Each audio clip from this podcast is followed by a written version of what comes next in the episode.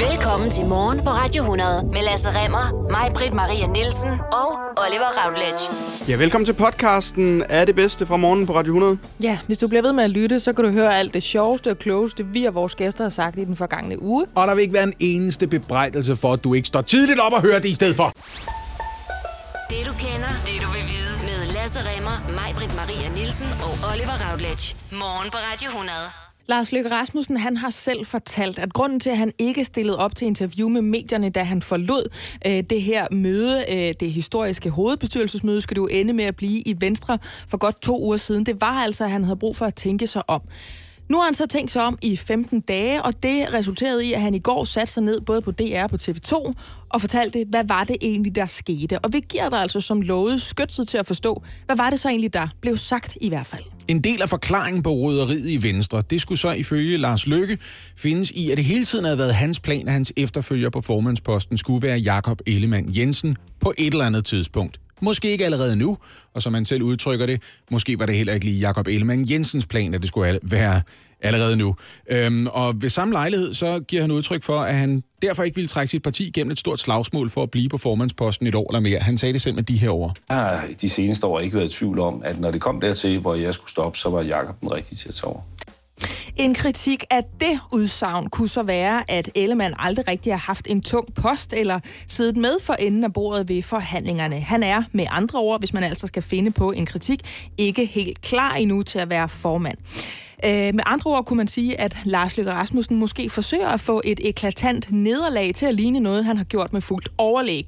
Sådan lidt ala så I alle sammen, jeg fandt? Ja, det var med vilje. Ha, ha, ha. Jeg slog mig slet ikke. Nå, så blev der jo så bragt bevisførelse for Ellemann-forklaringen på den måde, at Lars Løkke sagde, det var derfor, jeg øh, gjorde ham til politisk ordfører. Det var derfor, jeg gav ham en ministerpost. Han skulle have nogle kilometer i benene, som Lars Lykke konkret udtrykte. Han skulle altså være blevet groomet til jobbet som formand for Venstre. Han sagde så også, at det først var om et par år, han egentlig havde set Ellemann på posten.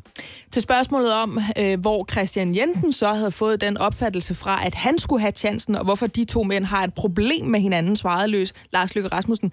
Jeg har ikke noget problem med nogen. Hvis jeg har et problem, så har det været, at jeg har spaceret videre ud i tilværelsen, når der har været nogle problemer, som jeg synes, jeg har håndteret. Og der vil kritikere så kunne sige, at man også kunne oversætte det sådan her. Min fejl har nok været, at jeg ikke har bæret nag. Og det er, sådan, du, det er jo næsten den der, øh, du ved, hvis jeg har en fejl, så er det næsten, jeg er for godt et menneske. Ja, jeg er for flittig. Ja, på mange måder. Og så var der ellers nyere stød til Christian Jensen af divergerende art. Øhm, for eksempel har diverse udnævnelser i partiet været afgjort af kompetencer, men i Christian Jensens tilfælde, der formulerede Lars Løkke Rasmussen det en lille smule anderledes. Han sagde det sådan her. Når jeg har sammensat mine regeringer, så har jeg gået efter kompetencer. Jeg har taget et særligt hensyn til næstformanden på grund af det, der skete i 2014. Øh, men bortset fra det, så har jeg gået efter kompetencer. Jeg har ikke skilet til, om det var folk, der sagde, at jeg skulle blive eller jeg skulle gå. Det har altid været de dygtigste mennesker, måske med undtagelse af Christian, Christian Jensen. Jensen. Men jeg har ikke bitter. er For pokker var jeg Nej, ikke lige bitter. præcis. Der er ingen, jeg bærer ikke af. Ikke under nogen omstændigheder. Han fortalte også, at han havde fået mere end 800 opfordringer til at starte et nyt parti, øh, og han synes, han skylder de mere end 40.000 vælgere, der har stemt på ham at blive i dansk politik. Han fik så også lige nævnt, at det tal, altså 40.000, overstiger medlemstallet i Venstre. Ja, det er da også lige ved at nævne, ikke? Lars Løkke Rasmussen, han bliver altså i Venstre, om ikke andet indtil videre. Han siger, at det har altid været hans parti, og det har han ikke nogen plan om at lave om på. Til gengæld siger han også, at han kommer ikke til det ekstraordinære landsmøde den 21. september. Han kommer til det ordinære landsmøde den 6. 7. november. Der kan man så regne med, at han bliver klappet ud som en trofast formand igennem mange år. Men altså, han har ikke tænkt sig at dukke op til formandsvalget, hvor han ikke selv er på valg så kommer der simpelthen datingtips. Og det er bemærkelsesværdige datingtips. Ja. Fordi de kommer fra et morgenhold, som alle sammen er i fasttømrede forhold. Så man ved, det virker. Ja, vi har ligesom prøvet det. Uh, hvis der er nogen, der kommer med populære datingtips, så er det jo dine gode venner og veninder i faste forhold. Det er jo dem, Eller du elsker at høre dem din fra. mor, der sender dig et screenshot af en eller anden, hun har fundet på Facebook, som der meget, ser meget sød ud. Berlin skal have fundet lejlighed til at spørge to dating-eksperter, single-livseksperter. Michelle Hvid, øh, hun har etableret det speed-dating-koncept, der hedder Running Dinner. Det ved, jeg, har I hørt om det? Det der, var så Er det sådan noget, hvor der, hvor der kører mennesker rundt på et transportbånd, og så i stedet for sushi, der er der, så er det mennesker, og så peger man, og så siger man, hvad for man gerne vil have, og så betaler man, når man går. det, det er næsten rigtigt, men det er, sl- det er slet ikke rigtigt. Altså, det er rigtigt på den måde, at så øh, spiser du for eksempel øh, forretten et sted, hovedretten et andet sted, desserten et tredje sted, og så drikker du kaffe et fjerde sted. Og på den måde, så kommer du også lidt rundt og ser andre Det er mennesker. modsat af, hvad du må gøre, når du kommer i et fast forhold. Der må du ikke spise ud. Nej, lige præcis. Det er nemlig det, ikke? Ja, ja. Og så har de også snakket med Martin Østergaard. Han er parterapeut, og han er også en fyr, der er dukket op i tv-programmer og har fortalt folk om, hvordan man får sit familieliv, sit parforhold og sit single-liv til at fungere. Ja, folk har set ham. Hans ansigt bliver altid brugt, når der er nogen, der har været kærester i halvandet år, der ikke har lyst til at bolle mere, så er det ham, de skal hjem til. Og så siger Det han, er rigtigt. For bold, eller hvad? nej, nej, for at få nogle tips om, hvordan du Ikke får for lyst at igen. bolle ham for fanden, for at få lyst til at knalde hinanden. Og det er der, man typisk som det første råd får. Øh, hvad med, at I overhovedet ikke må prøve at komme til at bolle hinanden? Ja. Så kan det være, at I får mere lyst til det. er det ikke rigtigt? Jo, Det er- læg noget tøj sammen. Ej, hvis du bare går og siger til dig selv, jeg må ikke spise broccoli, så kan det være, at du får lyst til grøntsager. Det, det, det er det. Kom med nogle datingråd for fanden. Okay. Øh, første datingråd for lige præcis Martin Østergaard er, at man skal lige prøve at holde en lille smule igen og økonomisere med sine kræfter. Han sammenligner det med løbetræning. Ja. Hvis du løber for langt, og du løber for ofte, så ender du simpelthen med Og syr til. lige præcis. Og du syr ikke bare til, du risikerer at få et dårligt knæ, og du risikerer at få skinnebindsbetændelse. Og hvad svarer det til i dating? I datingsammenhængen, Ja. der betyder det, hey, vent lige lidt. Vælg dine dates med omhu. Kig lige, træd lige et skridt tilbage og sig, har jeg lyst til det nu? Ja. Jeg skal på en date. Måske behøver du ikke løbe Nå. hele tiden. Måske kan du nøjes med at løbe den der flotte tur igennem dyrehaven. Mm, Okay, Ja, ja. ja. Han siger også, når det ikke lige klikker på en date, så lad være med at formode, at det er et udtryk for, at der er noget ved dig, du skal arbejde med eller lave om på. Det er naturligt, at der er nogen, der ikke vil være tiltrukket af dig, Ja. ligesom du ikke vil være tiltrukket af alle, du møder. Men prøv også at tænke på, hvis man var det, man ville jo aldrig få noget gjort. Nej. Hvis man havde lyst til at være sammen med eller kærester med alle, man mødte. Hvis man hver gang, man var på en date, gik derfra og tænkte ved sig selv, grunden til, at vi ikke skal være sammen resten af livet, det er, at der er noget fundamentalt galt med mig, mm. så vil du være konstant selvudvikling og, og flimrende usikkerhed hele livet. Ja, ikke? ja. Der er jo ikke nogen, der gad, vel? Ja. Så siger han også, at man skal grundlæggende tage det med ro. Og der er han meget som morråden, ikke? der ligesom siger, at det sker, når du mindst venter det. På mange måder. Ikke? Ned i netto. Ja. Ja. Han siger, at man skal være indstillet på, at der kan gå noget tid, før der for alvor er bid. Du skal, ja, og det rimer, så man ved, det er sandt. Ja. Der skal, der skal gå noget tid, før der for alvor er For bid. at der er bid. Ja, han siger, at det kan sagtens tage et år, eller to år, eller mere, før man møder den helt rigtige. Men siger han, at hvis man forhaster kærligheden, så går det ikke? You can't hurry love? Er det det, han Ej, siger? jeg vidste, det var det. Det er Okay, faktisk... Shirley. Hvad, er der flere råd så? Hvad siger Michelle? Nå, men så tager vi lige, øh, hvad Michelle Hvid siger. Og Michelle Hvid siger, du må ikke give op. Og det kan man jo sige, det knytter jo meget godt til den der ting med, at det kan godt tage et stykke tid. Ikke? Ja. Hun siger, prøv at høre, der er jo ikke noget alternativ til at blive ved med at være åben over for at møde kærligheden. Øh, alternativet er, at du resignerer, og, og du visner væk og dør alene. Mm. Og hvis du ønsker dig kærligheden, så må du ikke give op på kær- Don't give up on love, Oliver. Den må du også godt skrive ned, Tak skal hvis det er det, ikke? Ja. Øh, et helt enkelt svar fra hendes vedkommende. Ja. Så er hun super træt af alle forbeholdene, som folk har for ikke for alvor at åbne sig selv for kærligheden. Sådan noget, han er medlem af den forkerte fagforening. Jeg er blevet såret for tit Ja. ja. af 3F. Jeg kan ikke lide din frisyr. Ja, sådan nogle ting. Hvad fanden er det for nogle ting, du render rundt med lige der? Ikke? Ja, ja. Øhm, gå ind i det med liv og sjæl hver gang. Også selvom du har en erfaring om, at det her det er noget, der kan komme til at gøre nas. Fordi Ja. hvis du ikke er helhjertet, øhm, så får du heller ikke et helt hjerte. Det er ikke hendes ord. Det var mig, der lige opdagede, Hold at da kæft, noget det er også sige, flot. Jeg sad og tænkte på, at man skulle sige et eller andet med nogle ligetårn eller sådan noget, men så kom Lasse med det der i stedet for. Det var godt. Hvordan går det i øvrigt med din ligetur? Det går rigtig godt. Tak skal du have. Jeg fik den behandlet sidste du ikke har ligger, fordi mig med Vengsø er skåret med. Ja. Jamen, det var sådan, hun Gravede efterlod... dem ud. Og med blod, og jeg ved ikke Ej, prøv, det var slet ikke det, vi skulle snakke om. Vi skulle snakke om dejlig kærlighed. Okay, ikke om så- hård hud, der Men vokser hvis op det er af. ægte kærlighed, så kan man også godt tåle at snakke om lige Jamen, så kræver det bare, at alle vores lyttere elsker dig. Det er jo ikke sådan, du tester det. Har I nogensinde haft den oplevelse, hvor man møder nogen, og, der, og de er gået ind i det med en indstilling, som siger, hvis du kan lide mig, så kan jeg sige alt Ja. Ja. med det samme. Ja, jeg har mødt mig selv, for jeg er jo stoppet med at lukke døren, når jeg er på lokum. Nej, men prøv at høre. Hvis det ene hængsel går i stykker, perlegardin. Det er da det, du gerne vil have. Der er ikke nogen til at sætte en ny dør op, Hvis skat. han elsker mig, så elsker han også mine pøller, okay? Ja. De dufter så dejligt af lavendel. Og er det mest bæredygtige ikke også, at vi kun skyller ud en gang om dagen? Jo, præcis. Ja, Det er fandme Ja. kærlighed. jeg kan godt lide at pølle i dit tis, siger man til den, man elsker. Ja. Nå, men skal vi tage en musikalsk tur til... Enkelt det her. Skal vi tage en musikalsk tur til Kærlighedens By nu? Ja, lad os gøre det, men Vi Oliver. skal lige opsummere, fordi lytterne de har glemt, hvad fanden det var, vi snakkede om. vi snakker om, at man må ikke give op. ødelagt alt. og pøller i hvert fald. Jamen, nej, nej, man skal også huske, vi har kærester. Vi ved, det virker. Okay, du, prøv at høre. Du leder efter kærligheden på den lange bane. Ja. Sørg for, at du er indstillet på, at det tager tid. At du ikke er for hektisk og for ivrig med det, at du får hjertet med i det. Sørg for at holde hjertet åbent. Ja. Bliv ikke en kyniker undervejs i processen, og lad være med at tro, at når det ikke lykkes lige nu, så er det fordi, der er noget galt med dig. Og så husk, at hvis han rigtigt elsker dig, og hvis du er den rigtige for ham, så kan I pølle for hinanden. Nå, prøv at høre, vi skal snakke om ham der, øh, den liderlige franskmand, og vi skal tale pænt om ham, fordi han er ikke længere blandt os. Mm. Øh, det var ham, jeg fortalte om kort lige før, som mistede livet, imens han dyrkede sex med øh, det, der bliver beskrevet som en vildt fremmed. Det her det er en historie, jeg har fundet på politikken. Men han var på arbejde, imens han gjorde det, så grunden til, at vi rigtig læser om det, man kan sige, det er selvfølgelig lidt ekstraordinært, at man dør, imens man har samleje. Det er simpelthen, fordi hans familie har fået tilkendt erstatning, fordi den her dødsulykke, selvom han var utro på en forretningsrejse, bliver taxeret til at være en arbejdsskade. Nå. Og det er rimelig sindssygt. Øhm, han arbejdede for en jernbaneleverandør, som havde sendt ham til Loiret i det nordlige Frankrig, hvor han så mødte den her vildt fremmede, som han dyrkede sex med, indtil han fik hjertestop.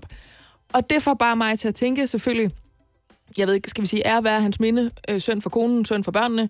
Godt, de får noget erstatning. Synd for den vildt fremmede, han havde sex med, mens han døde. Fordi hver gang Ja. folk siger, kunne du forestille dig noget bedre, end at dø, mens du knaller, så tænker jeg, hvad med den person, du knaller med? Det må da være det mest traumatiserende i verden. Ja. Lige pludselig at have en død mand op i dig. Altså, det er jo, Puh, ja, lige pludselig er du nekrofil på et enkelt sekund. Det er da ikke fint. Men så, så det, jeg egentlig ville med det, kan man sige, det her, det, vred, det det, er min afsætning. Ja. Det er, når nu du siger, kan vi forestille os noget bedre, end at komme herfra, imens vi boller? Ja, det kan vi så måske godt. Mm. Altså, hvad ville være bedre, hvis vi skal lave en erstatning til den der? Hvad kunne det så være, Lasse? Jeg vil gerne kvæles i den sidste mundfuld af desserten på verdens bedste restaurant.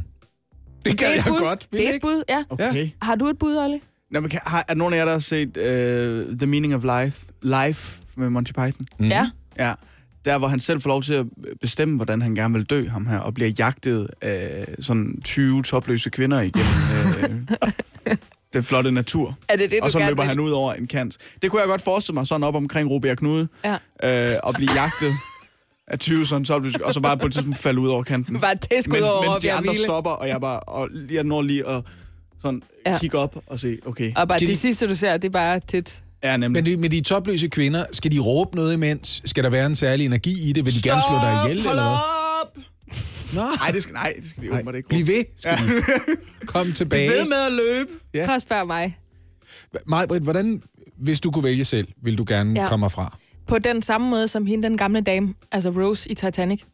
Jeg kunne godt tænke mig det der med at ligge i sådan helt sådan en kniblinger, brokade næsten top midt på halsen, imens, øh, men der må godt være lidt flere til stede, vil jeg sige. Alle dem, som, som ja, jeg lige ved at sige, som har været op i mig, eller så er kommet ud af mig, de må gerne være til stede. Sikke en flok, var? Ved håndsoprækningen. Dem, der senest har været, Ja, den sidste. Det er en fuld kirke, kan jeg mærke. ah, den gik jeg lige ind i, den der. Men nej, det kunne jeg godt tænke mig. Altså sådan okay. helt med noget dæmpet lys. Ja. Øh, og så skal der være, øh, så skal der være sådan en rigtig god kaffe med, med stimet mælk, og der skal spille noget, øh, sådan noget klaver øh, jazz bagefter. Og folk skal ikke være kede af det, de skal mere fejre det liv, jeg havde, mere end den død, jeg fik. Jeg kender da til det der, det kan godt lade sig gøre. Der er jo folk, som finder hinanden i sådan en omgangskreds, hvor alle er gode venner, men har kærestet lidt på kryds og tværs, eller bollet lidt på kryds Ja, og tværs. mediebranchen. Ja, ja, ja, og så Ja. ender det med, så ender det selvfølgelig med, at så skal du have nogle børn, og du bliver gift, og ved brylluppet, der er det mere almindeligt end ualmindeligt, Ja. ja. at de deltagende gæster, de har knaldet med bruden Ja, det skal man bare gå ud fra. Ja, ja, ja, det er bare Ja, ja, sådan, det er jamen, det er okay. Der er jeg faktisk så glad for, at Michael han er forsikringsbranchen, ikke? Jeg ved, han har sgu ikke knaldet nogen af de andre debattører. Det er simpelthen så dejligt. Og on that note, undskyld, hvis man skulle have formidlet en eller anden form for mediebranche kønssygdom på et tidspunkt. Det er jeg ked af. Jeg er ude af det race nu, og det her, det var altså måden, vi gerne ville dø på. Lasse, han vil gerne dø i en dessert. Oliver, han vil tæskes til døde med patter, og jeg vil gerne ligge blandt folk, jeg elsker. Er det sådan? I klædt nogle kniblinger. Ja, en form for brokade. Ja. Ikke? Yes. Det tror jeg var det. Det kan ikke gøres meget finere. Nej, det synes jeg faktisk heller ikke. Så lad os lige kigge på den der super weekend. Den politiske super weekend med tredobbelt landsmøde, Radikale, Dansk Folkeparti, Socialdemokraterne.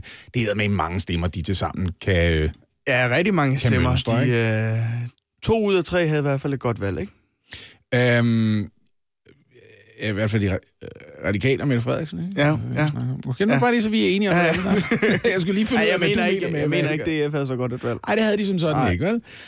Prøv at høre, politiske kommentatorer, de har på forhånd sagt, det virker som om, at det, der bliver lakmustesten for Mette Frederiksen, det, der kommer til at afgøre, om folk betragter hende som troværdig, om hun lever op til sine valgløfter, det bliver ikke sådan, som det har været ved nyligere valg øh, udlændingepolitikken. Det kommer ikke til at handle om asyl, det kommer ikke til at handle om indvandring, det kommer ikke til at handle om migranter, det kommer ikke til at handle om flygtninge. Mm. Det kommer til at handle om pensionsalder. Om Arne. Ja, lige præcis om Arne, fordi Mette Frederiksen er jo kommet for skade at sige, at øh, hun synes, at der skal laves en differentieret pensionsalder, og øh, det har Socialdemokraterne tænkt sig at indfri det løfte.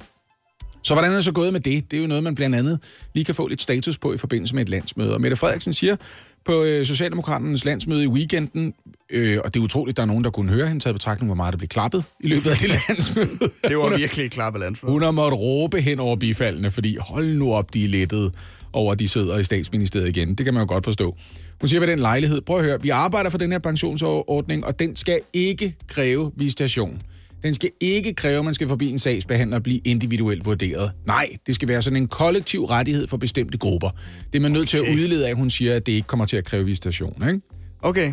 Ja, ja, men det er jo det, folk flere gange har sagt. Vil du ikke godt vise os, hvad det er, du mener? Vis os, hvad og, hvad og hvem du mener. Altså, det er fint at sige, nu er det Arnes tur, men hvem er Arne, udover at han arbejder på, på et lager? Altså, gælder, det gælder vel også for, for, gælder det også for murer, gælder det for tømmer, gælder det for malere? Altså, mm. hvem er de her folk, der skal have den her differentierede pensionsalder? Og der er jo også meget stor forskel på, hvad du laver øhm, inden for det fag. Der kan jo sagtens stå for eksempel malermester på ja. dit visitkort, men det betyder ikke nødvendigvis, du er en af dem, der står med en rulle i hånden 40 timer om ugen plus det løse. Fordi Nej, der bliver fandme knoklet ud på de danske arbejdspladser. Det kan jo godt være, at du ved, det for eksempel er lærlingen eller svenden, der for alvor arbejder. Måske er der en, der tager sig mere administrativt arbejde, men oprindeligt er uddannet maler. Ja. Og hvis du så på et eller andet tidspunkt bliver 62, og der står maler på dit visitkort, så betyder det jo ikke nødvendigvis, at din krop er slidt op. Og til gengæld, så kan det sagtens være sådan, at der er andre mennesker, som sidder i jobs, hvor man skulle tro, at de måske holdt lidt længere. Nå, anyway, det er Mette Frederiksens hovedpine, og hun indrømmer, at hun lige for øjeblikket er øh, altså på træver og panodil og alt, hvad hun i øvrigt kan hive til sig.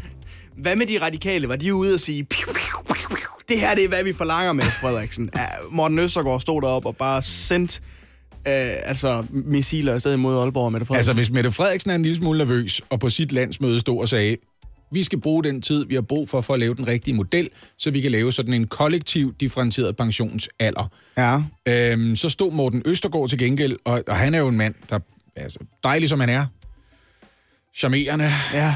Sjældent man har set hans hals, men han har omsider begyndt at gå i skjorter igen. øhm, Ja. Han stod så øh, i Nyborg, Ja, det kan også. Øhm, øh, og, og sagde, at de stadig ikke tilhænger en differentieret pensionsalder. Og Nå. han er jo et støtteparti, ja. Man kan okay. Sige, det er alle Ja. støttepartierne. Der var det ved det, at de radikale sammen med den tidligere regering nåede at indgå en aftale om det, der hedder seniorpension. Mm. Og ved den lejlighed, der sagde Morten Østergaard, det var den aftale, vi synes ville være bedst for Danmark, og derfor er vi ligeglade med, om der muligvis skal laves en anden aftale efter valget, men vi hænger på den her, fordi vi er et forlisparti, og man, op, man opsiger et forlig med virkning fra det næste valg. Mm. Og eftersom han ikke har opsagt for livet, så gælder det altså i hvert fald den her valgperiode ud, eller indtil Mette Frederiksen, hun kommer til at udskrive valg. Men prøv at høre, Oliver, du spørger til det helt forkerte parti.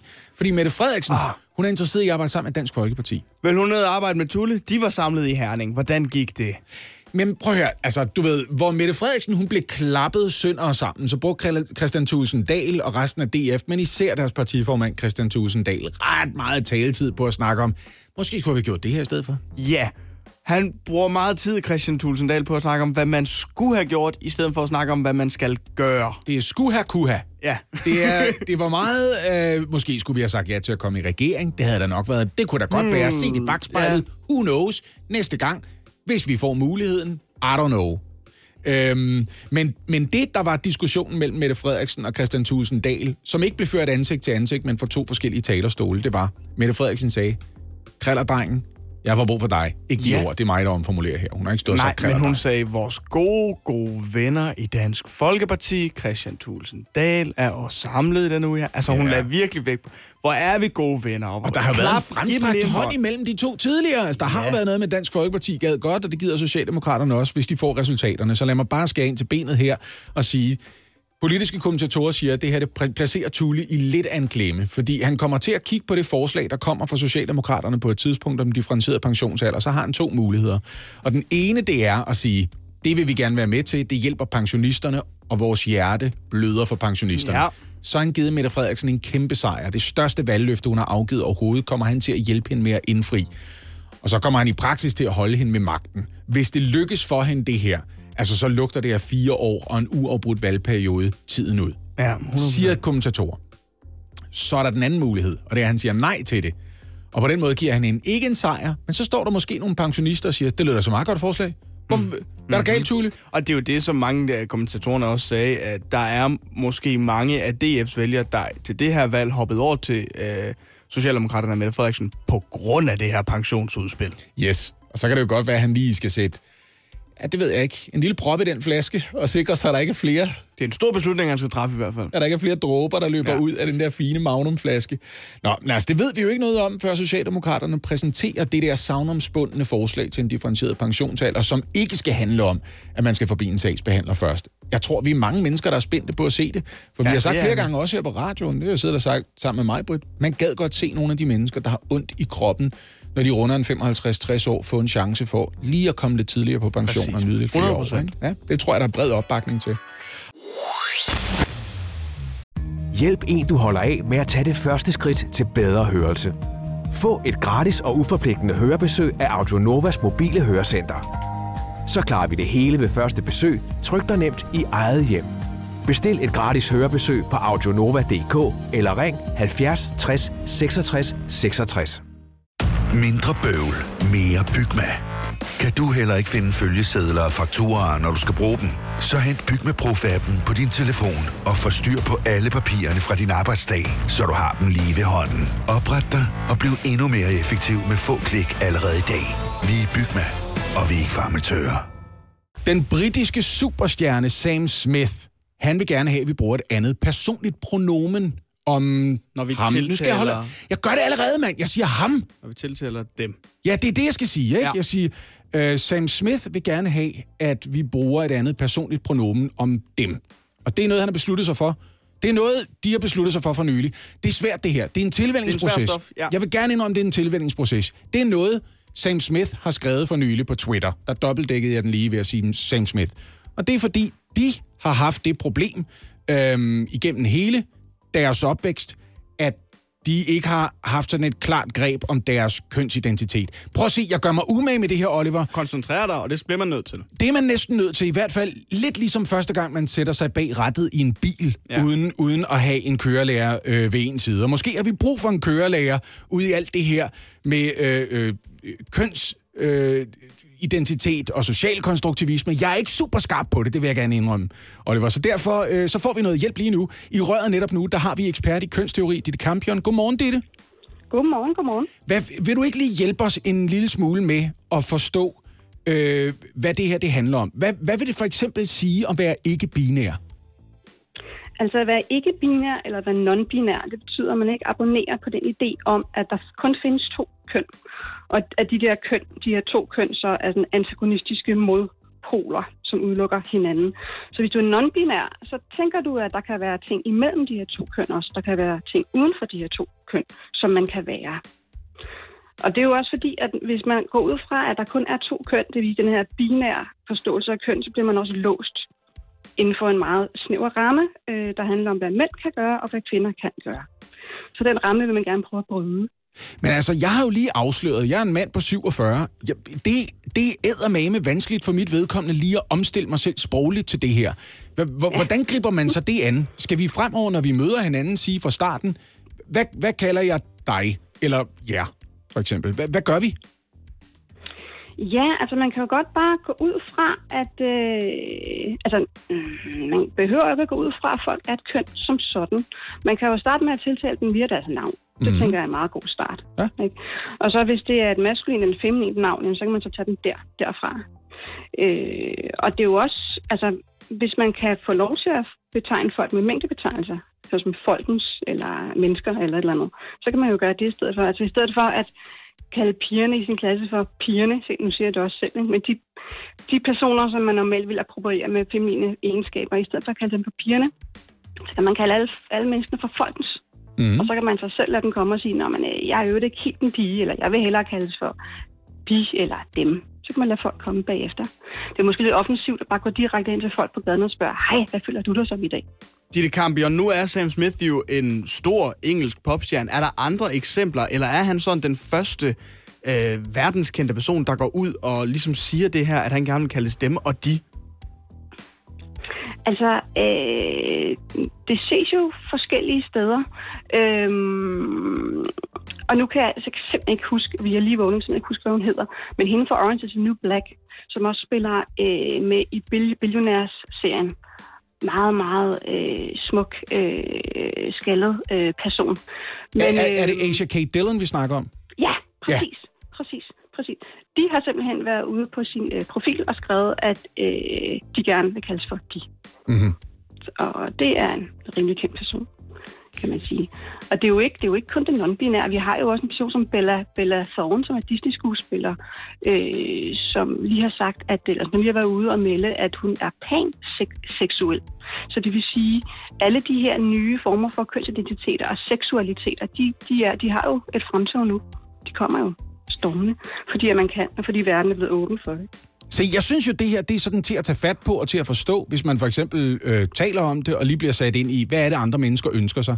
Det er også mit indtryk, at det her, det er altså, det er lidt af en frontlinje i hele samtalen om, hvordan forholder vi os til hinanden i fremtiden, det her.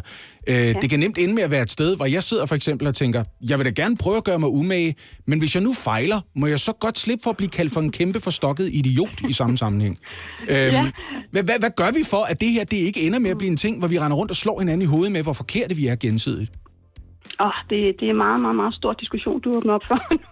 Det ved jeg godt. Med en, en hel masse timer. Øh, altså, der er jo forskellige holdninger øh, til, hvordan man angriber uvidenhed. Øh, personligt så vil jeg sige, at skam og skyld er altid en dårlig ting at køre over på folk. Øh, og hvis, så, altså, så længe man ikke er opmærksom, så længe man ikke ved, så længe man ikke har fået viden om, øhm, hvordan man skal forholde sig, så kan man ikke klandres for det. Altså samtidig kan man sige, at der er selvfølgelig også en stor magt i ignorance. Der er en stor magt i, i, i uvidenheden. Men hvis man som udgangspunkt gerne vil være vidne, øh, og, og har hjertet på rette sted, kan man sige. Og ikke tænker, ej, hvor underligt, hvis der kommer en person og siger, jeg vil gerne hedde de, og ikke insisterer på, nej, det vil jeg ikke, jeg vil kalde dig for hun, eller jeg vil kalde dig for han. Hvis man er åben, og hvis man gerne vil lære ting, så synes jeg ikke, man skal skamme sig, hvis man laver en fejl, for det kan vi alle sammen komme til. Vi kan alle sammen fejle. Og så kan man jo undervise sig selv, for eksempel med Blik for Køn, den bog, som du har skrevet, øh, som handler om kønsdiskurser, blandt andet hate speech og queer-teori. Ja. Så kan man sætte sig ind i det sådan øh, øh, på et helt grundniveau og starte samtalen der, hvis det er det, man har lyst til. Tak skal du have, Didi Kamp. Det kan man. Hej. Altså, Du må bare tage det fra en ende af. jeg skal ikke bare gøre det, fordi Jo. det er med en kompliceret ting, det her. Ikke mindst fordi, der er øh, dygtige journalister, som faktisk er i gang med at udrede præcis, hvad baggrunden er for den her historie, men det er tydeligvis en ting, som vi lige er nødt til at tale om. Tommy Robinson, har I hørt om ham nogensinde? Ja, det har Tommy jeg. Robinson, han er jo en øh, britisk politisk aktivist helt ude på højrefløjen. Ja. Altså langt ude på højrefløjen. Jamen noget Pegida og noget National Party-agtigt noget, Det er det, ikke? han har været leder af det, der hedder EDL, English Defence League. Der kan Ja. man jo godt høre alene på navnet. Der er nogen, der er nødt til at forsvare England. Ja. Øhm, Han har et problem med ikke-vestlig indvandring. Det kan man mildest talt sige. Ikke? Ja. Man kan nok ikke sammenligne ham på alle punkter med Rasmus Paludan herhjemme, men det er måske den mest nærliggende sammenligning. Fordi de får begge to folks pis alvorligt i kog. De deler en del politiske synspunkter, og så har de begge to været øh, involveret i PG der. Det er en af de måder, de ligesom for alvor er kommet ud i offentlighedens søgelys på. Mm. Til gengæld, Tommy Robinson, han har altså en del domme bag sig. Ikke måske en enkelt, eller hvad det er blevet til for Rasmus Paludan, og han er en decideret siddet i fængsel i flere måneder. Blandt andet på grund af det her. Han stod foran en øh, retssal ude foran med et kamera og filmede øh, de anklagede den her retssag. Det var anklaget i en meget, meget stor sag om seksuelt misbrug af mindreårige og øh, systematisk voldtægt. Det er en meget voldsom, brutal retssag. Men der var nedlagt navneforbud, indtil dommen blev afsagt. Mm. Det var Tommy Robinson ligeglad med. Han filmede folk, og så var han på det, der hedder Facebook Live. Okay. Så det vil sige, det røg bare direkte ud ja. Ja. i æderen, ikke? Ja. Øh, det må man ikke, og det blev han så idømt en fængselsdom på næsten et år for. Okay. Og det har også fået Facebooks øjne op for ham for alvor. Ja.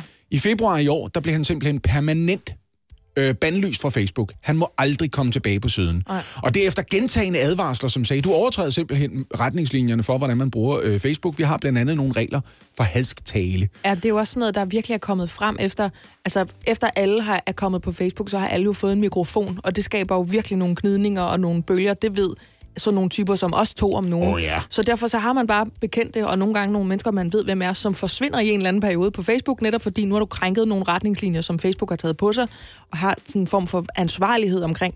Men ham her, han er jo han er lidt anderledes, fordi ja, du skal næsten selv have lov til at sige det, man må jo ikke engang... Man må ikke engang nævne ham. Nej. Det er faktisk øh, øh, den formodning, som underbygges af rigtig mange opslag på Facebook lige for øjeblikket, ja. hvor folk, de ikke på en rosende måde, øh, men nærmest bare på en refererende måde, og nogle Ja. gange i opslag, hvor de bare har skrevet for- og efternavn på Tommy Robinson, og det er jo det, han kendes som. Han er, han er døbt noget andet. Han hedder i virkeligheden Stephen Lennon, men han kalder sig Tommy Robinson. Han Ikke? har haft mange af sådan nogle øhm, altså dæknavne i virkeligheden, både for at være på sociale medier, men også når han har udtalt sig, så har der været sådan lidt øh, Isak Dinesen over ham. Ja, der var noget med, at han gerne ville skille sin øh, politiske aktivisme ad fra sin familie, så de ikke hæftede solidarisk, og folk opsøgte dem. Det kan man jo på en måde godt forstå. Det kan man på en måde godt forstå, ikke? Men, ja. men der er altså en del Facebook-brugere, som øh, først i England, og sidenhen nu også i Danmark, har konstateret, at hvis de bare skriver de to ord i rækkefølge, Tommy og Robinson, så går der ikke lang tid.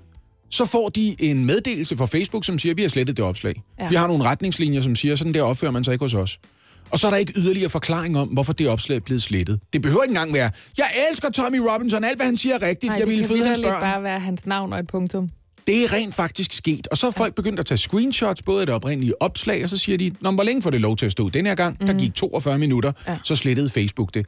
Grunden til, at det her det er bemærkelsesværdigt, det er, Facebook har ikke offentligt meldt ud, hvad det er for en politik, de håndhæver her. Mm. Udover at de henviser til deres generelle retningslinjer for, hvordan man opfører sig på Facebook. Men det, der er problemet med det her, det er jo ikke, at Facebook har retningslinjer. Det er jo, at det udfordrer i særlig grad ytringsfrihed. Det skal jo ikke være sådan, at fordi der er noget, vi ikke bryder os om, og Facebook får skyld for at være venstreorienteret helt vildt i mm. ting og sager, at de har en forkærlighed for at udelukke øh, højreorienterede øh, debattører, og politikere og ekstremister, og hvad de nu selv... Altså, Altså, man på den yderste venstrefløj kan tale med pænt større bogstaver, end man kan på den yderste højrefløj. det, det er sådan den generelle kritik, der er af Facebook, ikke? Men det er jo det, der er problemet her, er jo ikke, at man skal opføre sig ordentligt. Det tror jeg, alle modne voksne mennesker kan blive enige om, og debatten kan gå højt.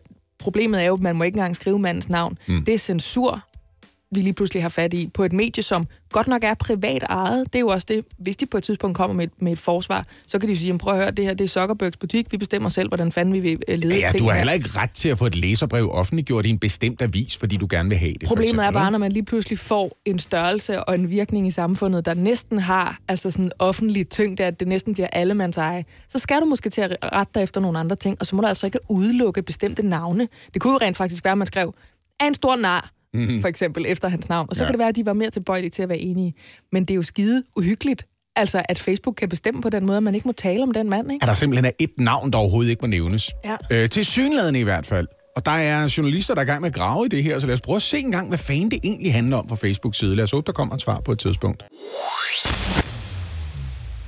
Mandag begyndte det, der er blevet beskrevet som den største terrorretssag i Danmark nogensinde. Ja. Den kaldes i almindelig folkemunde, hvis man kan tale om det sådan, dronesagen, fordi den handler om en masse dronedele for 100.000 vis af kroner, som er blevet øh, købt i Danmark, leveret til islamisk stat. Og de tre tiltalte, de har ellers ganske almindelige hverdagsjob som henholdsvis taxichauffør, cykelsmed delvis på kontanthjælp og en underviser på en erhvervsskole. Ja.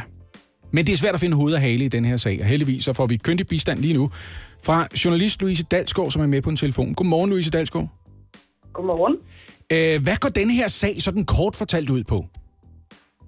Den går ud på, at man har en række mænd, øh, nemlig med helt almindelige jobs, men som ved siden af de her jobs har i en årrække leveret øh, dronedele, modelfly, øh, kameraudstyr til øh, islamisk stat, altså den her terrororganisation til øh, i Syrien og i Irak. Og øh, hvis man spørger anklagemyndigheden, jamen, så er det faktisk lige præcis øh, det, øh, som sagen går ud på, nemlig at de her mænd, de i flere år skal have indkøbt dronedele for at så levere dem videre til en terrororganisation. Og den her retssag, den har jo, siger man, potentiale til at blive historisk. Hvorfor har den det, Louise Dalsgaard? Jamen, det har noget at gøre med to ting. Det ene er omfanget i det hele, altså at øh, det her droneudstyr, jamen det er blevet indkøbt i flere år af flere forskellige mænd i det, som politiet beskriver som et internationalt terrornetværk. Men så er det også fordi, at den mand, som man mener er bagmand i det her netværk, han er en øh, dansk mand, som hedder Basil Hassan, som siden 2013 har været forsvundet fra Danmark. Øh, han er mistænkt for at stå bag øh, et attentatforsøg på øh, historiker og islamkritiker Lars Hedegaard i 2013. Men så anses han altså også for at være øh, en helt central person hos islamisk stat, nemlig en person, som har stået bag udviklingen af det, der beskrives som islamisk stats droneprogram. Så vi har altså en dansker, som er central i et internationalt terrornetværk, og som har siddet og styret det hele nede hos islamisk stat, når det handler om droner. Øh, kan du sige noget om, Louise Dalsgaard, hvilket efterforskningsarbejde og, øh, og, og forberedelsesarbejde, der er gået forud for den her retssag? Hvor, hvor, hvor længe har det stået på? Det har stået på i rigtig mange år. Altså faktisk så kom det frem nede i retten øh, her mandag, at politiet i 2014 allerede i forbindelse med angrebet på Lars Hedegaard begynder at efterforske, hvad det er for nogle dronedele, der er blevet indkøbt. De finder nemlig under en rensagning et USB-stik i en af de her tiltaltes punkt, og der er et meget, meget nøje udførligt Excel-ark i det her USB-stik med dronedele, der er blevet indkøbt, hvornår de er købt og hvor de er sendt til. Men på det tidspunkt, der aner politiet ikke noget om, hvad de her kodenavne, øh, der er blandt andet et navn, der hedder Katib al-Barabin Malik, det kan de slet ikke forstå, hvad er. Så derfor ligger man faktisk sagen til side i 2014, fordi man kan ikke komme videre med den. Men så finder man altså ud af senere hen, nogle år efter, i 2016-2017, at det her kodenavn, det er faktisk et navn, som er blevet brugt for netop islamisk stats droneprogram. Og så begynder man at tage sagen op igen. Nu nævnte du før Basil Hassan, Louise Dalsgaard. Hvilken rolle spiller han i, øh, i anklageskriftet, og er der noget nyt om ham? Fordi man ved jo ikke rigtigt, hvor han er, gør man det? Nej, det gør man ikke. Han er tidligere blevet meldt dræbt i Syrien, men det er altså ubekræftede oplysninger. Der er ikke noget nyt om ham ellers. Altså, men i den her sag, der anses han som værende bagmand, som værende den helt centrale person, som også har fået de andre ind i netværket, som har fået de andre ifølge politiet til at købe de her øh, dronedele. Så han er altså helt øh, central øh, for sagen. Tusind tak, Louise Dalsgaard. Selv tak. Jamen, det er et langt outro, det her. Og så en langsom nu. Det her var den mest ensformige morsebesked, jeg nogensinde har hørt, det der. Det var, øh, vi mangler mælk og kattegrus skat. Ja. Tilbage i 1800-tallet, Ja. ikke? Ja. Nå, øh, nu bliver det stribeagtigt. Det har jeg jo lovet. Mm. Det er fordi, øh, det er et spørgsmål, det her, som min veninde i virkeligheden stiller igennem øh, min mund, havde nær sagt. Hun skal okay. giftes, og hun er så pisserad for, at hendes mands eller kommende mands venner skal finde på at hyre en stripper til hans polterappen. Fordi hvad nu, hvis hun er skide lækker, og hvad nu, hvis hun har nogle helt faste bryster, som hun bare tæver rundt på kinderne af ham, og hvad nu, hvis han, altså hun er bange for, at han måske skal gå lidt for langt. Men så kom vi også til at tale om, jamen det der med at hyre en stripper, må man egentlig stadigvæk gerne det, eller er det bare pisse sexistisk? Er det en lav form for fornøjelse at have til en mandefrokost, eller hvad? Allerførste spørgsmål her. Ja, Er der nogensinde et bryllup, der er gået i vasken, fordi gommen har fundet sammen med striberen fra polterappen i stedet for? det tror jeg ikke, men Ikke jeg har hørt vel? nogle grimme historier om, at der er en, altså er en gom, der måske har hygget sig lidt for meget med Nå. en stripper. Okay, ja. Mit allerførste spørgsmål. Skal hun giftes i 2009? 2009. Gør man stadigvæk det her? Nå, du mener, at det er old school Ja. med de stripper der? Øh, nej, de skal giftes 2020. Altså, er det stadig... Lasse, du har haft et polterap for nyligt. Øh, øh, de, de eneste, en stripper? altså, de eneste, der smed overtøjet til mit polterappen, det var nogle rejer, som vi selv måtte pille. Ja, Så fint. det har ikke været Men vildere hvad det. tænker jeg om det? Altså, fordi vi, jeg kan ikke finde ud af, hvad fanden jeg skal råde hende til om... Altså, der er jo ligesom to veje i det, ikke? Må man bestemme, at det skal... Må hun kommunikere ud i en gruppebesked på Facebook til de der... Nej. Hendes kærestes venner? Det her må I ikke arrangere for. Nej. Nej. Skal hun lade være med det? Ja, Nej, det skal også hun. er det den brud, hun har lyst til at være. De skal Ja. være sammen resten af livet. Har du lyst til at være den der? Ja. Det må min mand ikke. Lad være med det. Det også tror jeg er en dårlig idé. Der ligger, Og sådan, der ligger sådan en subliminal besked om, for det kan han ikke håndtere, så knaller han hende bare. Det er lige præcis det, fordi hvorfor vil du så giftes med en mand, hvis du er bange for, at det, at han ser nogle bryster, du synes sidder anderledes end dine egne, gør, han lige Ja. pludselig tænker, det der bryster er bedre. Så dumme er vi, vi er jo voksne mænd. Og Ja. ingen mænd, der ikke er klar over, at der findes kvinder, som er skruet sammen på en måde, som ikke ligner den øh, kvinde, vi er sammen med, enten bedre eller anderledes, Men jeg eller tror hvad også- fanden vil jeg? Altså, jeg har ikke lige spurgt hende, fordi det var sådan lidt et ømt emne, men jeg tror også, hun er sådan en, der synes, han ikke må se porno. Og det gør han jo selvfølgelig alligevel, fordi han er i live. Øhm, men, men jeg tror, det... Du får ikke nogen til at ændre deres adfærd. Du får dem til at lyve om den adfærd, de allerede har. Ja, og vil du have faktisk, løgn i dit forhold, når det kommer til stykket? Ja. Jeg har jo været til et par polterabender, hvor det er sådan, så er der nogen, der har hyret en stripper, og det har været lidt ironisk, og så sætter vi os lige på nogle stole, og så kommer der en, distance. tager noget tøj af, og så er der typisk sket det, at man har henvendt sig til en bagefter, mens hun lige har fået noget tøj på, og sagt, har du en kollega, og det må godt være endnu frækkere, og så er der kommet et ekstra nummer senere på dagen. Seriøst? Ja, det skal jeg gerne indrømme. Men det har, ikke altid, det har ikke altid været sådan, Gommen, Gommen synes, det var så populært faktisk. Nej, det har mere Nej. været de andre deltagere. Men det er også, og ja, nu færdiggør jeg bare lige kort historien. Det har også været en anderledes form for polterappen, fordi typisk har det jo været sådan, at man synes, der har stået nogle lidt tørstige mænd bagefter og prøvet at falde i snak med striberen. Men fordi det her det har været sådan nogle komikerpolterappener, så er det med at være en striber, der er blevet hængende og tænkt, det kan da være, at Anders Madsen har tid. Det ved man ikke, om han lige gider snakke Til lidt om. at knalde mig. Ham har jeg da altid synes var sjov i hvert fald, Ja, ja, det er da ja. helt sikkert, og så har Anders Madsen ikke været så interesseret egentlig. Nej, nej. Det er den helt omvendte verden jo. Ja, okay. Men jeg har bare en formodning om, at det kan godt være, at jeg tager helt fejl, at det er et fortal af polterabner, der stadigvæk gør det her. Jeg det tror, også mange polterabner måske foregår lidt ligesom din polterappen, Lasse, hvor man tager ud og nyder noget dejlig mad og har et selskabsrum for sig selv. Og man ikke opfører sig som aber. Men, Ja. ikke, men ikke går ned på strøget med øh, kys mig for 10 kroner, og Ja, så, det fandme senere, og så senere skal vi øh, lige øh, ned og se øh, øh, De- Denises show hernede. Altså, det, det tror jeg bare ikke, det, der er så mange, der gør mere. Men det løsner så mit spørgsmål nummer to. Er det så fordi, man ligesom kollektivt er blevet enige om, det er simpelthen for, for lavkulturelt eller for sexistisk? Vi må ikke stå og klappe mere af en abe med store patter. Er, er det det? Min opfattelse er, at ah, det kan godt være, at jeg kommer til at lyde højrød. Jeg synes, det er lavkulturelt. Ja. Af helvedes til. Ja. Jeg synes, det er så ligegyldigt en ting. Altså virkelig. Synes du, strip er øh, erotisk bevægelig kunst, Lasse, eller synes du, det er noget pjat noget? Jeg synes, det kan være begge dele. Ja. Jeg, jeg, jeg kan jo godt lide noget, der er sådan lidt mere... Nu kommer det til at lyde dumt. Mm. Uh, jeg kan godt lide noget, som er sådan lidt mere... Altså, du ved, burlesk show-orienteret. Et eller andet, ikke? Hvor Et der eller er andet, nogen, der har sådan noget nogle, sådan nogle øh, ting, der kan snurre rundt på brystvorterne. Lige præcis. En, der måske stripper til noget live harmonika, eller et eller andet. Forstår du, hvad jeg mener? Det er lidt... Jeg har taget et stort champagneglas med. Det skal Ja. jeg bade lidt i. I må godt kigge på imens. Nå, sådan noget der. Bagefter, der kommer der en og jonglerer med nogle øh, øh, pindsvineunger. Okay. Bare fordi, det er også Så hvad, originalt. så hvad siger vi egentlig til min veninde? Nummer, nummer et spørgsmål, nej, du må ikke diktere, Nej. at, at din kærestes venner bestiller en stripper, og Oliver mener, det er der en, en lav chance for, at de ja. gør, for det gør man ikke så meget mere. Nej. Nummer to, Nummer to vil jeg, vil jeg i hvert fald sige, som Lasse sagde rigtigt, de skal være sammen resten af deres liv. Ja. Manden har indgået, en, altså han har lyst til at blive gift med hende. Han har ikke lyst til at være sammen med, hvis der skulle komme en stripper, den stripper, der kommer der. Mm. Han skal være sammen med hende resten af, hende, af hans liv og deres liv, og de skal dele deres liv sammen. Han elsker hende op i røven med den og hvis stripper. de der venner har en, en, en høj smag, vil jeg næsten kalde det, så booker de ikke en stripper, fordi Nej. det er lidt lavkulturelt. Ja. Og også det er jo lidt det hele den der tanke om, hvis du ser bare hud på en anden kvinde, så får du lyst til at knalde hende. Det er jo mm. lidt burka-tankegangen, det der, ikke? Det, jo. nytter ikke, det nytter ikke noget. Du er nødt til at stole på, at du har fundet en mand, der elsker dig som udgangspunkt. Og også lige husk på, hele den der ting med at høre en stripper, det er, altså, det er tit noget, halvdelen af gæsterne til et polterappen gør for sig selv. De gør det ikke en skid for gommen. De har et 100% påskud for, nu er jeg jo gift, men prøv at høre, Johnny, han skal kraftedeme med hans sidste aften i frihed, Men så er der jo nogen, der gerne vil se på de der store hårbryster. Ja, jamen, det er jo deres kæresters problem. Ja. Okay, jamen jeg, jeg håber, at min veninde, hvis navn øh, skal forblive usagt, men hun hedder Camilla, lytter med.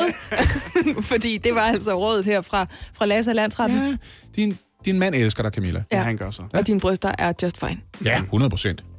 Eller, Tror jeg. ja. Hjælp en, du holder af med at tage det første skridt til bedre hørelse. Få et gratis og uforpligtende hørebesøg af Audionovas mobile hørecenter. Så klarer vi det hele ved første besøg, tryk dig nemt i eget hjem. Bestil et gratis hørebesøg på audionova.dk eller ring 70 60 66 66.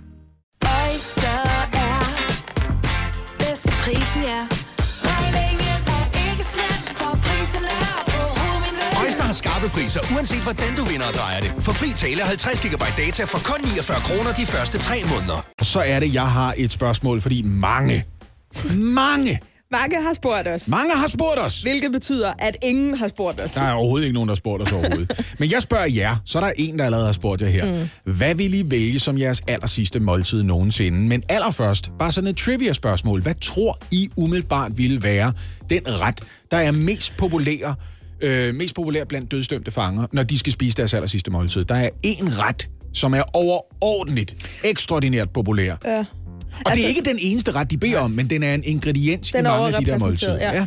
Altså, jeg har set nok true crime imens jeg har spist ostepops i øvrigt, mm. til at vide, at jeg tror, vi er i en junk-sektion. Jeg tror, det er noget burgermad, eller noget pizzamad, eller mm. noget, noget frityremad på en eller anden måde. Er det... Er... Jeg holder fast i min mac and cheese.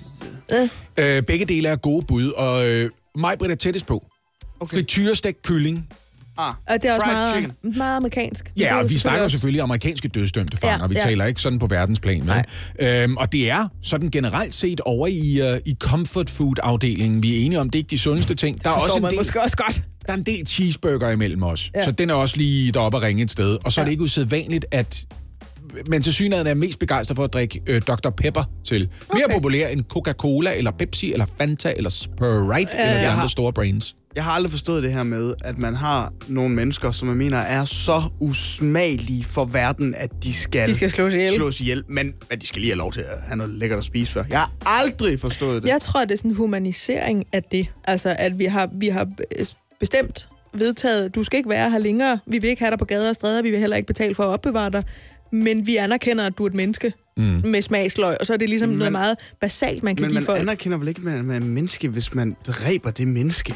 Jamen, det har de jo så vedtaget. An eye for an eye. Måske er der sådan en idé om, ganske vist gør vi det her, men det betyder at vi ikke, at vi ikke kan udvise en eller anden form for det er det, forståelse mener, eller et hensyn. altså, så jeg er med, Det jeg er er en med det der. humanisering af den proces, tror jeg. Men det er egentlig et underligt tidspunkt, at man kan få et ønske opfyldt. Ja. Og ved I hvad, det er jo bare et spørgsmål om tid, før vi for alvor diskuterer vores kostvaner så meget, at der står nogle veganere og siger, ja, der er vist en, der myrder til det sidste. Hva?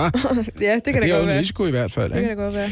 Men jeg har tænkt lidt over det her, fordi det er lige præcis der, man åbner døren. Der, og så tro, hvor man også skal sige, har du brug for at tale med en præst, for eksempel. Ikke? Ja, ja. Men der er ikke noget, der hedder for eksempel, hvem er den sidste, du gerne vil føre en samtale med, eller hvad er den sidste film, du gerne vil se, hvad er den sidste kulturelle oplevelse, du gerne vil have. Nej. Mad, derimod, det er, Jeg tror, der får du lov til at bestemme. Det er, fordi ikke? det er så tæt knyttet til, til vores væren og til vores overlevelse, det med, at vi skal have føde. Kan vi ikke være enige om, det sidste måltid, det er sgu ikke der, hvor man vælger lige at køre den hårde diæt i hvert fald. Jeg ved godt, Ej. hvad mit sidste måltid skulle være. Ja. Jeg er færdig med at tænke over det nu, ikke? Mm. Pasta carbonara. Okay. Og det skal være den rigtige. Det skal ikke være den der... Jeg ved ikke, hvad fanden det er folk... De har, de har fået den der forestilling om, at der skal løg og fløde og champignon og alt muligt ned i. Det skal der ikke. En carbonara, det er god pasta. Lav den selv, hvis du har humør til det. Og så var det æggeblomme, og så var det måske endda en pancetta, men ellers så en god røget bacon, mm. og så friskrevet parmesan, måske lidt sort peber, hvis du rigtig skal flotte dig. Yes, og yes. det er en carbonara. Mm. Intet andet. Jeg vil gerne have en rørt tatar. Ej, det er også godt. Nu er jeg lige kommet i Nu er tvivl, jeg for det gad jeg egentlig også godt. Og så vil jeg have en side af pomfritter dertil. Og måske en banæssauce. Jeg skulle lige til at sige, skal du have estragonmajoen, eller? Jamen, jeg tror, jeg tager en banæssauce til at dyppe mine pomfritter i. Okay, ja. Og så tager jeg måske... Der, jeg håber på, der er lidt estragon mayo oven på min øh, rørt Ja, ovenpå der, Ja. under robrødstipsene. Ja. Og Carsten, det kunne Ja. godt være. Det skal 100% smage af estragon, kan jeg da godt høre, Mm. uanset Ja. hvad det er. Ja. Uh, jamen, jeg sad jo indtil jeg hørte tatar, der sad jeg bare med noget øh, virkelig, virkelig, den bedste risotto, øh, Ja. en kok kan lave. Ja. Mm. Og så er jeg egentlig ligeglad med, om den bliver lavet på skalddyr eller svampe, eller hvor vi er henne her. Det er ikke så vigtigt for Den mit skal bare være god. Ja. Okay. Okay. ja. Det er sådan, det er vælling for voksne, synes Så jeg hvis jo. vi nogensinde skulle sidde skulder ved skulder for noget, vi har sagt i radioen måske, og der bliver indført dødsstraf i Danmark, så skal vi henholdsvis have risotto, carbonara og tatar. Ja. Mm. Yes. Og så bliver det politikeragtigt. Henrik Sass Larsen har været medlem af Folketinget i knap 20 år, ligesom han også var minister i den daværende... Oliver, det lammer helvede, når du gør det der. Kan du... Det, det, det er ikke min skyld. Du gør det hele tiden, skat. Hold op. Ligesom han, jeg fortsætter, var minister i den daværende SR-regering fra 2013 til 2015. De seneste par måneder er Henrik Sass Larsens person jo nok mest diskuteret i forlængelse af hans sygemelding fra netop Folketinget, der også gjorde, at han jo altså ikke blev minister i Mette Frederiksens regering, stik imod alle. Ja, det havde man lidt troet, han ville blive. Ja, det, det var han altså virkelig kørt i stilling til. Ikke? Ja. Så var det tilbage i juni, at han fortalte på Facebook, at han ville sygemelde sig, men han raskmeldte sig igen i begyndelsen af september, hvor han også Mhm. forklarede, at nu vil han bruge sin tid på at hellige sig Socialdemokratiets historie, og han i samme ombæring fratrådte sin post som statsrevister. Det er ikke mere end 14 dages tid siden, det her. Nej, og det var også den post, øh, som vi diskuterede, den her med at være statsrevisor, fordi han simpelthen ikke kom til ret mange af de der 11 møder, som han årligt fik 300.000 kroner for at deltage i. Ja. Men nu stopper han altså helt. Han skal nemlig være branchedirektør i brancheforeningen DVCA, der er en brancheorganisation for venture- og kapitalfonde. Og Oliver, Uh, hvad? det er der nemlig mange, der siger rundt omkring i fjernsynet og i radioen også. Skal vi lige prøve at forklare, hvad er en brancheforening for venture- og kapitalfonde? Meget gerne. Øh, DVCA, det står for Danish Venture Capital and Private Equity Association. Hold op. Meget mundret. Og det er altså en brancheforening for det, der hedder venture- og kapitalfonde, med samt Business Angels i Danmark. Business Angels. Venturekapital, nu er det ligesom at gå på CBS. Det er ekstern risikovillig kapital, typisk som nye virksomheder kan tiltrække sig, hvis de kan demonstrere øh, spådomme om et højt vækstpotentiale. Skal du lige have okay. den igen? Det, Ekstern risikovillig Ekstern kapital, risikovillig- typisk som nye virksomheder, altså som har et højt vækstpotentiale, kan tiltrække. Ikke? Ja, okay. Ja.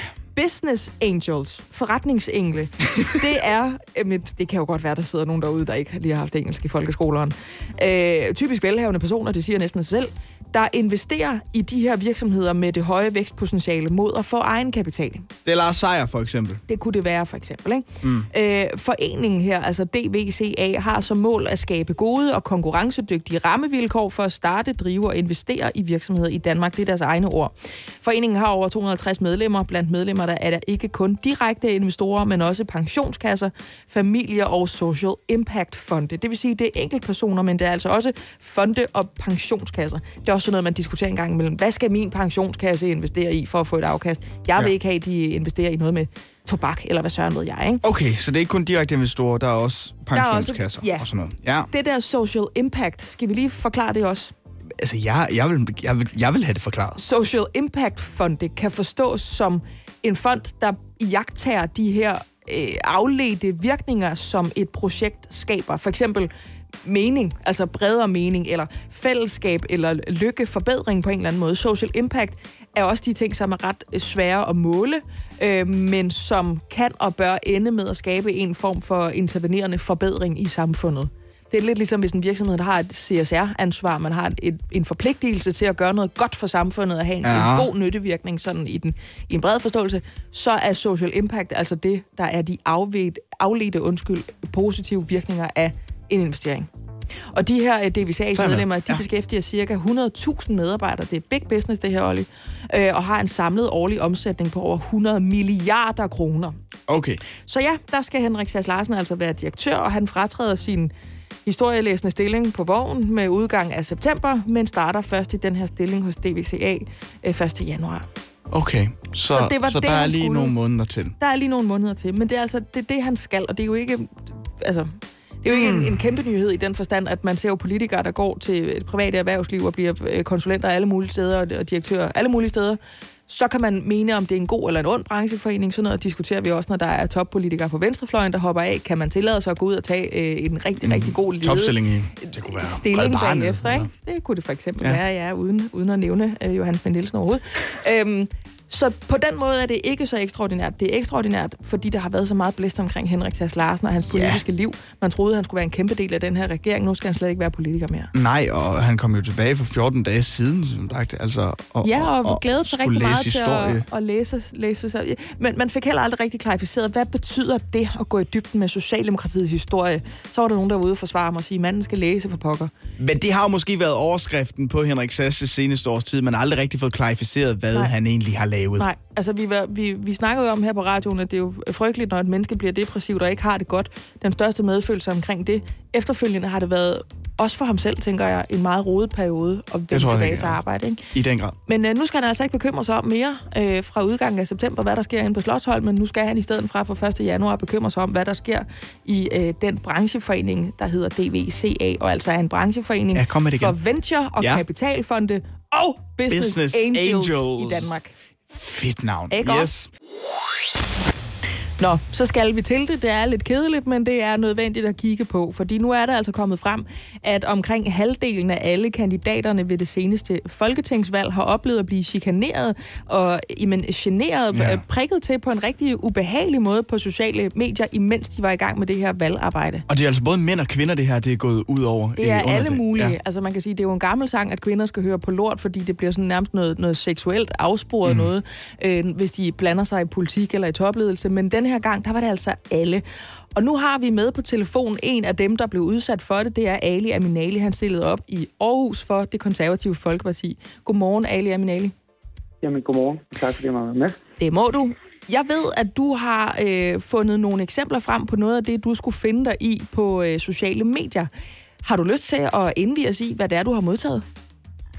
Ja, øh, altså, fordi jeg nu er, øh, som man kan høre, Ali Aminali og har et, et lidt ægtbæsk i baggrund og er borgerlig, så har jeg jo måttet finde mig i at høre rigtig meget om, at jeg er kokosnød og onkel Tom og racist over for min egen og sådan nogle ting. Mm. Og det har været meget sådan noget med, at, at nu skal du høre, for eksempel en af dem, jeg kan læse op, det er, jeg har boet i Danmark i 40 år, og det er sådan en, en ikke-vestlig. Og mit råd til dig, det er, at du skal huske på, at du er ikke dansker, og derfor kan du aldrig føle dig som dansker. Og, øh, og sådan skal det bare være. Øh, og det er sådan nogle små nogen til at, øh, at direkte få at vide, at jeg faktisk råder dig til at forstå det land, du bor i, og pakke dine ting og tage hjem. Ellers så kommer vi og hjælper dig med at tage hjem. Øh, til altså, det eskalerer på en måde, ikke? Jo. Til at også det er det her med, at øh, jeg har solgt min sjæl, og øh, jeg har jeg har solgt min sjæl til flæskesteg endda også. Okay. Og jeg burde, øh, jeg burde lave min navneændring. Og, øh, og det har jo været sådan nogle lange øh, beskeder, også øh, i min indbakke, hvor for eksempel øh, en person klokken to om aftenen har skrevet til mig, at øh, de ved cirka, hvor jeg bor, på baggrund af de billeder, de har kigget på. Og øh, jeg skal huske, at jeg er et kapitalistisk svin, og man hurtigt kan finde mig og min familie. Øh, Det er jo ekstremt ubehageligt, at det lige pludselig Ja. er noget, der er egnet til. Altså, det har jo sådan en trusselskarakter, at vi ved, hvor du bor, underforstået. Det kan være, at vi kommer og banker Ja. på. Ja, og så alligevel ikke, fordi det er jo det der, jeg synes, der har været interessant med det, er jo, vi har jo, man kan jo se alle dem, der er sådan rimelig, rimelig rabiate og skøre og skriver direkte, at nu kommer jeg og gør et eller andet. Mange af de ting, som jeg har lagt mærke til mig og nogle af mine, jeg kalder dem kollegaer, øh, politikere og venner har fået, det er sådan nogle subtile, men, men det er jo trusler. Altså det er jo, Ja. øh, vi ved, hvad du laver, og du skal ikke ud, altså, ytre dig, du skal øh, være varsom omkring, hvorfor du overhovedet deltager i politik og sådan nogle ting. Og Ja. det har været, det har været lidt øh, specielt. Den, den udvikling, jeg synes, der var, der var lidt skræmmende til sidst, der var, altså, der var kandidat, øh, det var det her med, at jeg så for eksempel en dag, da jeg gik ned i byen med min søn, som på daværende tidspunkt var to år, der øh, kunne jeg jo så altså, blive råbt efter på gaden øh, af folk, som så umiddelbart følger mig på Facebook og så mig. Ja. Øh, jeg, der var et par unge, jeg mødte, øh, som, øh, som råbte af mig og sagde, vi ved godt, hvad du laver, vi følger dig på Facebook, og vi holder øje med dig, det skal du bare vide. Det er nok, det er nok snart på tide, at du holder din mund og sådan nogle ting. Og, og det var sådan en, øh, det, det tror jeg ramte mig på en anden måde end alle de der beskeder, fordi man vender sig til det, Ja. øh, at få det her. Men at føle det her, man faktisk også bliver overvåget. Øh, At det rykker ud i det virkelige liv. Ja, at det, sådan, det får sådan et... Lige pludselig så kan man stå nede på gaden og muligvis møde de samme mennesker, som skriver de her beskeder, som stadig kan finde på at råbe efter en. Øh, Er det man noget- Siger, de gemmer sig lidt for. Er det Ikke? noget, Ali Aminali, hvor du tænker, at øh, det er egnet til, at du kunne finde på at stoppe med at ytre dig politisk eller arbejde for en politisk karriere? Tror du, det kan virke på den måde for nogen, eller for dig i hvert fald? Absolut. Altså ja.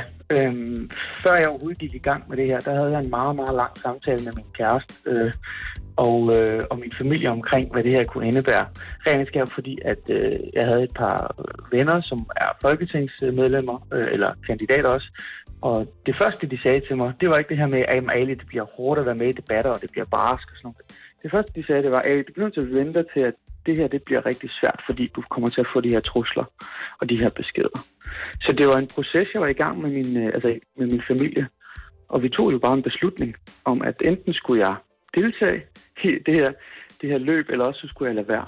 Øhm, og det var, lidt, det var lidt mærkeligt at have den diskussion overhovedet med sin familie. Det kan, jeg, det kan jeg virkelig godt forstå, at du synes. Ja. Men ved du hvad, Ali Aminale, tusind tak, fordi du lige vil kaste noget lys på det alligevel her hos os. Det tror jeg faktisk er vejen frem. Vi er nødt til at øh, putte en lomlygte op i hovedet på de der tosser, der forsøger at ødelægge et demokratisk projekt. Så altså, Ami, øh, Ali Aminali, tak fordi du var med her til morgen. Det var så lidt. Og der er mange, der har spurgt os. Det betyder, at der er ingen, der har spurgt os. Der er få, der har spurgt os. Det kan tælles på en hånd. Hvis det var, Tælles på én finger. Ja. hvis det var, at vi skulle sidde på anklagebænken i retten, hvad skulle det så være for? Ja, altså hvad forestillinger har vi om os selv? Kender vi os selv godt nok til at vide, at hvis vi nogensinde skulle bryde loven, hvad ville det så blive med? Ja, nemlig. Hvad er du kommet frem til, Holly? Jeg har jo altid, øh, altid sagt, det lyder som det er noget, jeg har tænkt over Jeg længe. har altid begået indbrud. Øh, men jamen, det er sjovt, du siger det. Okay. det, det jeg, har, jeg har sådan snakket med folk om, hvor svært kan det være, hvis man tænker sig om? Og bryde ind i nogens hus? Måske begå øh, altså, øh, et røveri. Holly! Ej, og du skal lige huske, der er forskel på tyveri og røveri. Ja. Hvis det er røverisk overfald, eller... Åh, oh, nej, så tyveri. Ja. Jeg skal ikke... Jeg, jeg skal Ikke røveri, Nej. du er ikke væbnet. Nej, nej, nej. nej. Ej, okay. Men sådan... Jeg, har- jeg har ikke planlagt noget, okay? Oh my god. Men, jeg vil bare lige sige, hvis man er venner med Oliver på Facebook, lad være med at skrive noget om, hvornår I skal på ferie, og hvornår I ikke er hjemme. Men sådan, hvis man, hvis man nu tænker sig virkelig godt om og, og planlagde det, Ja. så, så kunne det sikkert godt ske. Uden man blev Uden man blev opdaget. opdaget. Ja, okay. Har jeg, Måske har du det... den samtale, jeg engang havde, jeg ved ikke, hvad vi talte om, jeg var meget fuld, Ja. og det... Nej, Okay. Men jeg tror, du har det med, det ligesom, hvis man har set en gyserfilm, og man sidder og tænker, hvis de bare havde hørt på, hvad jeg havde sagt, så var de alle sammen i live nu. Mhm. At på samme måde, jamen, selvfølgelig skal du da ikke rende den der vej ud, at du skal da gå den anden vej, eller lad være med at gå ind til hunden, eller sådan noget, ikke? ja. Jeg tror godt, jeg ved, hvad jeg vil sidde der for. Sjælen pal øh, svejsisk ost, eller Øh, hvad? ja, det ville det formentlig være noget med nogle chips eller sådan noget. Men jeg tror også, jeg ville kunne sidde der, øh, hvis det var... En... Hvad er det, du peger på, Oliver? Nå, den der. Undskyld, du får den her. Øh, hvis jeg øh, for eksempel var kommet i nærheden af en person, der havde været grim ved et dyr. Øh, måske Ah, ja. nærmere bestemt en hund. Jeg tror godt, jeg kunne finde på at folde øh, røven øh, om til en sommerhat på en eller anden person, der ikke kunne forstå, at dyr er altså, vores engle. Jordens engle, faktisk. Fold røven om, Om til en sommerhat. sommerhat. Og så kunne jeg godt sidde der måske øh, for noget 2,45 et eller andet agtigt. Det kunne godt, det kunne godt være. 245. Det er vold. Det, det er paragrafen for vold, eller hvad? Det er den milde voldsparagraf. Gud, var du nørd. Jeg har læst jura for helvede. Ja, det skal jeg love for. Og derfor øh, ville det jo selvfølgelig være 100% i orden at slå på andre, hvis de havde slået på et dyr. Jeg siger det på en måde, så folk kan forstå, det er det selvfølgelig ikke. Men hvis jeg skal være ærlig omkring mig selv, så var det nok det, der skulle til for, at jeg kunne gøre noget, der var ulovligt. Ja, Og du se, kommer til at øh, fremstå som en meget bedre menneske end mig lige nu. Og det, Det er jeg da også. Ja, ja, men det var ikke helt sådan, som jeg havde regnet med, at vi skulle, vi skulle komme ud af den her. Øh, jeg kommer ikke til at begå et tyveri, okay? Oliver vil godt ændre sit svar til, at han sidder der for at have stjålet en brandbil, så han kunne slukke branden på et børnehjem. Mm. Ja. Kom, kom. De kom ikke hurtigt nok for hende. Okay, nå, men Oliver, skal vi skynde os ud af det her? Lad os gøre det. Morgen på Radio 100 med mig, Britt Maria Nielsen, Lasse Remmer og Oliver Routledge.